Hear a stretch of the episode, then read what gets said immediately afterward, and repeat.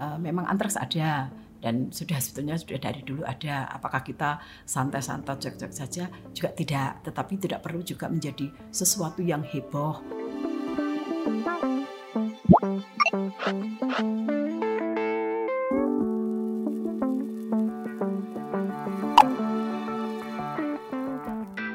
Halo kawan UGM, bertemu lagi di UGM Podcast dan di episode kali ini kita akan ngobrolin bareng tentang antraks yang kasusnya belum lama ini muncul lagi di tanah air. Nah, apa itu antraks mulai dari penyebab hingga upaya pengendaliannya akan kita kulik dan kupas lebih dalam lagi bersama dengan seorang pakar yang saat ini sudah hadir bersama saya Profesor Dr. Dr. Hewan Agnesia Endang Trihastuti Wahyuni, MSI yang biasa disapa Prof. Aid. Beliau merupakan pakar atau ahli mikrobiologi hewan dari Fakultas Kedokteran Hewan UGM. Nah, e, sebenarnya antrak itu apa sih Prof dan penyebabnya itu karena apa? Ya, jadi antraks itu sebetulnya uh, bukan sesuatu penyakit yang baru ya. Mungkin bar, mungkin ada yang baru mendengar tapi sebetulnya antraks itu kejadiannya sudah lama. Dan antraks ini tidak hanya di Indonesia. Jadi hmm. semua belahan dunia pernah uh, dilaporkan terjadi antrak. Nah, di Indonesia sendiri sebetulnya antrak itu sudah ada sejak abad 18 jadi tahun 1884 itu sudah ada antrak di Indonesia. Hanya dari tahun ke tahun itu penyebarannya kok semakin meluas. Jadi dari yang saya baca tahun 2016 itu dari 34 provinsi hanya tujuh provinsi yang masih bebas antraks begitu Jan. Nah antraks sendiri sebetulnya itu merupakan penyakit yang berbahaya karena dapat menimbulkan kematian kalau tidak segera tertangani. Menyerang berbagai jenis hewan dan penyakit ini juga menyerang manusia. Jadi disebut sebagai penyakit zoonosis, penyakit yang bisa menular dari hewan ke manusia maupun sebaliknya. Nah, penyebab dari antraks ini sendiri adalah bakteri. Jadi kalau virus antraks itu salah.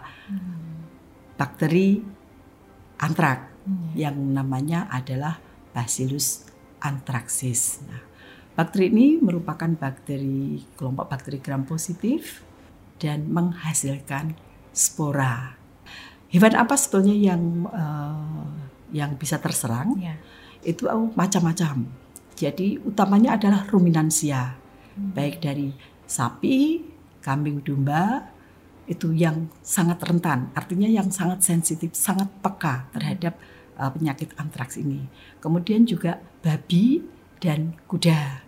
Setelah itu tingkat kerentanannya adalah karnivora, pernah dilaporkan uh, terjadi kematian akibat antraks itu pada anjing pernah hmm. dan juga pernah dilaporkan pada dir apa tadi dir rusa. rusa itu pernah ada laporan itu hewan ini uh, penyakit ini tidak menyerang pada hewan berdarah panas seperti burung kemudian unggas namun penyakit ini menyerang pada osrih atau burung unta dan di Indonesia hmm. sendiri pernah kejadian di akhir tahun 1999 di peternakan burung unta di daerah Purwakarta. Hmm. Dan penyakit ini tidak menyerang hewan berdarah dingin, ikan. Jadi uh, tidak perlu khawatir berlebihan jika ikannya nanti terserang oleh antraks gitu.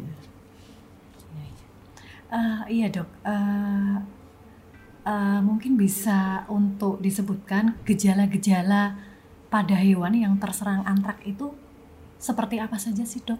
Iya, jadi gejala penyakit ini uh, banyak, namun biasanya malah yang uh, sering muncul itu tiba-tiba mati. Hmm. Nah, jadi gejala penyakit pada uh, pada hewan gejala yang penyakit terkena antrak ya itu? jadi gejala penyakit pada hewan yang terkena antrak itu uh, biasanya malah mati mendadak itu hmm. yang kadang tidak terlihat gejala-gejalanya itu yang yang menjadi uh, banding ya malahan uh, tiba-tiba hewannya sapi atau kambing dombanya mati. mati. Namun demikian kalau dia mampu menunjukkan gejala itu dia biasanya hewan menjadi gelisah, kemudian nafasnya tertekan, kesakitan, kemudian dia juga membentur-benturkan kepalanya dan tiba-tiba mati. Hmm. Nah, kemudian juga kalau masih sempat menimbulkan gejala ada pembengkakan di daerah submandibula, kemudian juga peradangan di uh, faringitis. Biasanya demam suhu tinggi hmm. sampai 41 42 derajat Celcius gitu. Untuk kambing dan domba biasanya malah dia berputar-putar, gigi gemeretak, kemudian uh, kelihatan kesakitan, nafasnya sesak, kemudian tiba-tiba mati. Nah, ada ciri yang cukup khas ya. untuk penyakit ini. Biasanya setelah mati, dia menimbulkan tanda-tanda. Jadi dia akan mengeluarkan darah. darah. Hmm. Biasanya itu sampai berwarna kecoklatan, bahkan kehitaman hmm. seperti ter. Itu dari lubang-lubang alami. Lubang-lubang alami di sini dari hidung, kemudian dari mulut, maupun dari anus. Selain itu juga rektum itu menyembul. Nah dok kalau untuk penularan antraks sendiri itu seperti apa baik pada hewan maupun manusia? Ya jadi sebetulnya antraks ini sendiri hewan maupun manusia itu bisa terinfeksi apabila terpapar atau terkena oleh spora dari bakteri ini. Nah, Spora dari bakteri ini diperoleh dari mana? Nah, spora ini biasanya ada berada di tanah. Karena spora ini tahan di tanah itu puluhan tahun. Nah, hewan waktu memakan rumput misalnya, nah itu termakanlah ikut di situ spora tadi. 80% dari bakteri ini berada di aliran darah. Hmm. Yang 20% sisanya itu ada di limfa. Hmm. Oleh karena itu, bakteri ini tidak boleh oleh karena itu kalau ada kasus karena antrak hukumnya tidak boleh dipotong atau disembelih. Hmm. Karena begitu disembelih atau dipotong, bakteri yang ada di dalam aliran darah tadi akan keluar. Nah, spora ini terbentuk apabila sudah bersinggungan atau berkontak dengan udara.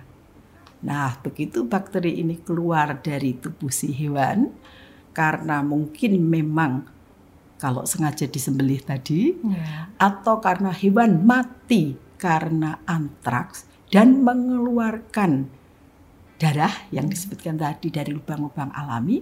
Nah, begitu kontak dengan udara akan terbentuklah spora dan spora ini yang menjadi sumber penyakit ini. Sementara spora sendiri itu tidak kelihatan. Tidak ada uh, di mana tanda-tanda ada spora di situ. Itu tidak tampak, tidak ada tandanya dan tidak kelihatan. Dan spora ini tahan di dalam tanah itu sampai puluhan tahun. Hmm. Maka dulu itu ada uh, disebutkan penyakit antraks itu penyakit tanah karena penyakit ini berkaitan dengan tanah di mana tanah tersebut adalah tanah yang ada sporanya. Begitu. Nah, spora ini uh, untuk di hewan sebagian besar memang kasusnya lewat dari uh, saluran pencernaan. Jadi spora kemakan uh, oleh hewan lewat rumput di mana rumput terkontaminasi oleh spora. Meski dilaporkan juga oleh dapat dibantu oleh serangga, serangga penggigit itu oh, bisa. Ah, nah, untuk manusia, spora ini yang menjadi sumber penularan juga. Jadi hmm. nanti kalau uh, dari manusia itu dilaporkan ada tiga atau ada yang melaporkan empat cara. Itu ada dari pernafasan, kemudian dari pencernaan, dan juga dari kulit. Oh. Nah, spora sendiri uh, bisa masuk ke manusia itu lewat berbagai cara tadi. Hmm. Sehingga apakah manusia yang terserang antrak pasti karena makan daging uh, hewan yang terserang antrak belum tentu juga mungkin dari uh, yang lain tadi misalnya dari kulit dari pernafasan oleh karena itu memang uh, spora ini yang menjadi biang keladinya untuk terjadi kejadian kasus antrak hmm. tersebut gitu. Jadi ketika uh, berpaparan dengan hewan yang terkena antrak itu bisa menular ke manusia itu ya Prof ya. Ya, karena kalau kita ya itu tadi kalau di hewan uh, seperti kasus yang uh, tadi bagaimana penularan sehingga kalau sapi tersebut atau kambing yang memang sudah terkena antraks belum mati kemudian buru-buru di sembelih. Nah, di sinilah nanti disembelih di dalam darahnya sudah ada uh, Bacillus anthracis, kemudian keluarlah inilah sumber penularan. Apakah itu orang-orang yang menangani uh, dagingnya dengan mungkin kena darahnya, mungkin GP itu bisa menular ke manusia mungkin baik lewat kulit gitu atau juga nanti setelah dimasak dimakan itu tadi. Karena sebetulnya uh, kalau bakterinya sendiri seperti yang disampaikan tadi di depan mudah mati dengan pemanasan 54 derajat setengah lama 30 menit itu mati. Hmm. Tetapi di sini yang dikhawatirkan adalah sporanya. Sporanya itu bisa uh, mati atau inaktif dengan cara pemanasan-pemanasan tadi. Begitu. Hmm, iya, iya, iya, Uh, lalu Prof, untuk penanganannya sendiri baik untuk hewan atau bangkai dari hewan yang terkena antraks serta untuk peternak maupun warga yang berada di daerah endemis itu seperti apa? Ya, jadi kalau ada hewan yang mati positif antrak ataupun yang uh, diduga disebabkan oleh Bacillus anthracis tadi, disarankan untuk segera dibuatkan lubang minimal 2 meter di dekat terjadinya kematian tadi jadi tidak perlu dipindah ke tempat-tempat lain. Karena dengan pemindahan tadi, apalagi kalau sudah ada darah yang keluar, itu akan menyebarkan spora antraks lebih uh, terbawa ke mana-mana. Untuk itu disarankan untuk membuat lubang minimal sedalam 2 meter. Kemudian hewan atau bangkai yang uh, mati karena antraks atau diduga antraks tadi dimasukkan kemudian disiram dengan minyak tanah ataupun bensin dan dibakar. Hmm. Sebelum nanti ditutup dengan tanah, diberi desinfektan dan diberi tanda dalam arti artinya arti tanda di sini diberi tanda bahwa di sini pernah terjadi kasus antraks dan pernah dikubur. Untuk itu ada langkah yang disarankan yaitu dengan membuat plaster atau disemen sehingga di tempat itu tidak pernah akan digali lagi hmm. bahwa di sini pernah terjadi antrak biar tidak digali lagi karena dari hasil laporan itu antraks ini meski sudah terkubur puluhan tahun itu nanti kalau dibongkar lagi sporanya juga masih mampu untuk uh, bisa ke mana-mana dan menimbulkan penyakit tadi. Nah, apabila mati dekat di, kan, di dekat kandang mungkin apa-apa yang pernah berdekatan atau pernah kena fesesnya si sapi di situ. Dalam artian waktu kejadian ini kemudian kena leleran darah yang keluar tadi itu mungkin ada kotoran atau mungkin uh, kayu atau apa pun dikubur juga dan dibakar juga uh, saat itu. Jadi uh, kira-kira sisa-sisa yang tercemar oleh antraks tadi ikut dibakar dan dikubur. Nah mungkin tanah yang bekas di dekatnya yang bekas kena ini juga disiram dengan desinfektan. Nah kemudian peternak sendiri begitu tahu setelah dilaporkan dan tahu di situ ada kasus itu men menjaga hewan-hewannya untuk tidak dilalu lintaskan, untuk di, tidak dibawa ke uh, pergi-pergi karena ditakutkan itu menjadi pembawa atau penular antraks tadi. Ya, mobilisasinya di mobilisasi ya, ya mobilisasi ya? di, diperketat hmm. itu. Kemudian untuk ini juga uh, kalau ada laporan ada kejadian kasus antra, antraks begitu untuk masyarakat umum karena bakteri ini bisa ditularkan dengan terbentuknya spora tadi dan spora ada di tanah. Nah, ini kan bisa saja terbawa spora tadi tidak hanya uh, oleh hewan yang memakan uh, apa rumput dan kena spora, tetapi mungkin spora yang terbentuk di daerah situ itu akan terbawa juga karena ada di tanah mungkin lewat sepatu kita sandal kita. Oleh karena itu kalau ada kasus-kasus yang seperti itu tidak usah oh masyarakat umum itu buru-buru untuk datang untuk pengen melihat oh antrak wah antrak tidak. Jadi kurangi ke komunikasi atau dalam artian ini adalah mengunjungi tempat-tempat yang memang uh, positif antraks begitu. Hmm. Nah, kalau untuk mencegah penularannya pada hewan ternak itu apakah perlu ada langkah seperti misalnya vaksinasi itu butuh berapa kali ya. itu? Jadi uh, untuk pencegahan yang jelas itu harus dengan uh, biosecurity. Biosecurity itu artinya mencegah terjadinya kontak antara agen penyakit dengan hewan ataupun manusia dengan hostnya gitu. Nah, biosecurity ini bisa dilakukan dengan tadi itu uh, kebersihan kandang, kemudian peternaknya sendiri juga harus harus eh, hati-hati menangani ternak-ternaknya, kemudian juga seyogianya itu pakaian di kandang itu berbeda atau berganti untuk pakaian dengan uh, ke rumah setelah dari kandang. Kalau kandangnya jauh, kalau kandangnya apalagi kandangnya berdekatan juga itu untuk mencegah terjadinya kontak antara uh, agen dalam hal ini kalau Bacillus anthrax itu sporanya dengan kemanusiaannya. Nah, untuk hewannya sendiri itu ada langkah-langkah utamanya dengan vaksinasi. Apalagi kalau darahnya sudah endemis karena uh, di DIY sendiri itu kan sudah dari sejak tahun 2003 itu kejadian pernah dilaporkan dari baik dari Sleman, kemudian ada dari Kulon Progo, Bantul dan sekarang di apa ini Gunung Kidul, Gunung Kidul ya. gitu ya.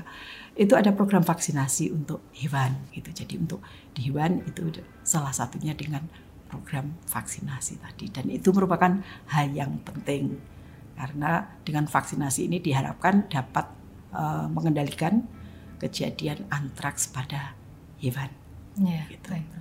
Nah, Prof, ketika kasus antrak ini kembali muncul di tanah air, uh, masyarakat uh, umum sendiri tentu ada kekhawatiran ya untuk mengkonsumsi produk peternakan baik itu daging maupun susu. Nah ini mungkin uh, bisa dijelaskan tips seperti apa untuk masyarakat dalam mengolah dan nantinya mengkonsumsi daging agar aman. Uh, sebetulnya tidak adanya kasus antraks pun sebetulnya uh, bagaimana kita memilih daging, memakan daging itu kan juga pastinya harus daging yang bagus, yang sehat gitu ya. Untuk daging sendiri sebetulnya ada istilah asuh. Jadi hmm. kalau memilih daging, daging itu yang asuh.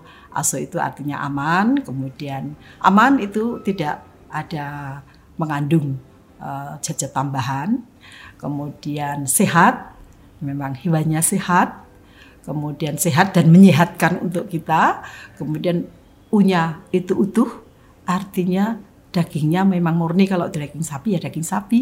Tidak nah. dicampur mungkin daging yang lain celeng atau babi begitu. Kemudian hanya adalah halal nah itu disembelih dengan cara yang benar begitu ya nah untuk susu sebetulnya memang susu kalau kebetulan itu yang terserang adalah sapi perah memang tidak menutup kemungkinan itu akan di uh, tularkan juga lewat susu. Oleh karena itu kalau itu misalnya menyerang pada sapi perah ya susunya memang harus di, tidak boleh diminum.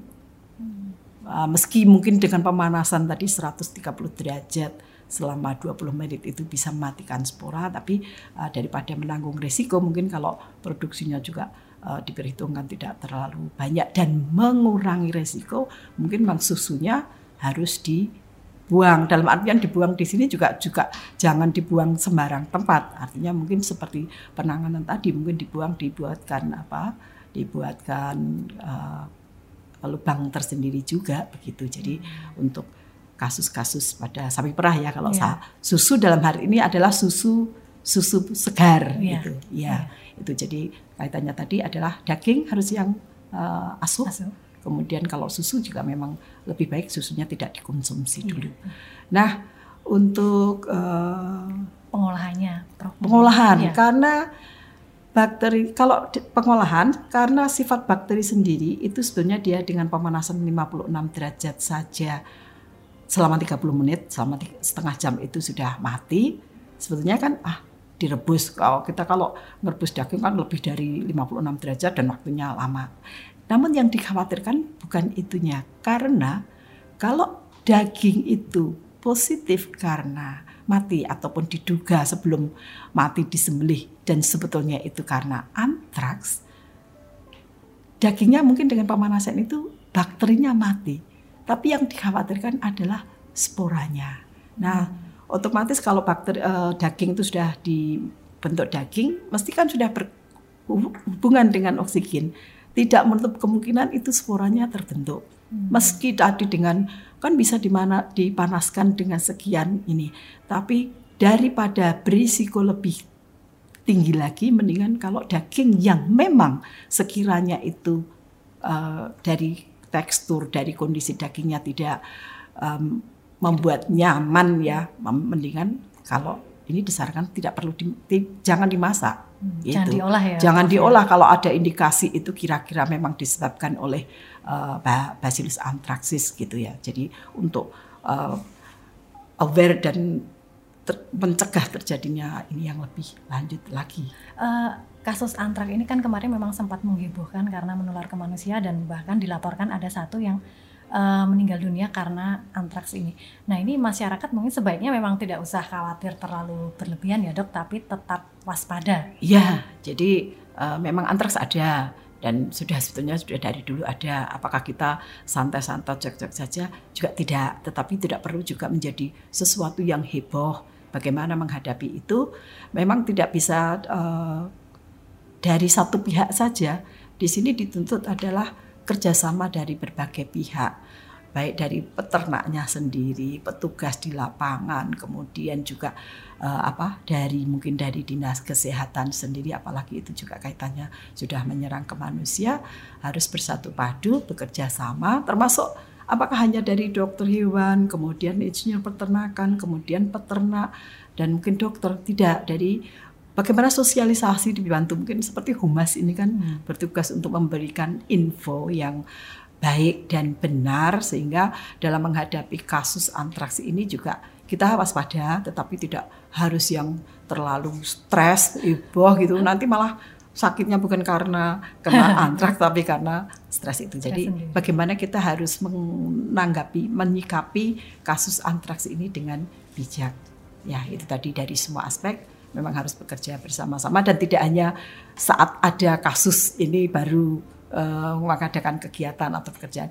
Uh, se seyogianya memang terus menerus untuk bagaimana menghadapi kasus-kasus seperti ini dan sudah ada yang namanya One Health, yeah. ya, yaitu One Health itu makanya semua aspek dari kita ini yang bisa uh, bersatu padu untuk mencegah salah satunya itu men menghadapi kasus penyakit antraks supaya tidak muncul muncul lagi. Iya. Gitu. Oke baik, Prof. Terima kasih untuk bincang-bincangnya kali ini memberikan cukup banyak informasi yang informatif terkait itu uh, terkait antrak, mulai dari apa itu antrak sehingga solusi untuk penanganannya. Oke, kawan UGM, semoga perbincangan tadi memberikan manfaat dan pencerahan bagi kita semua. Sampai jumpa lagi di UGM Podcast selanjutnya. Dadah.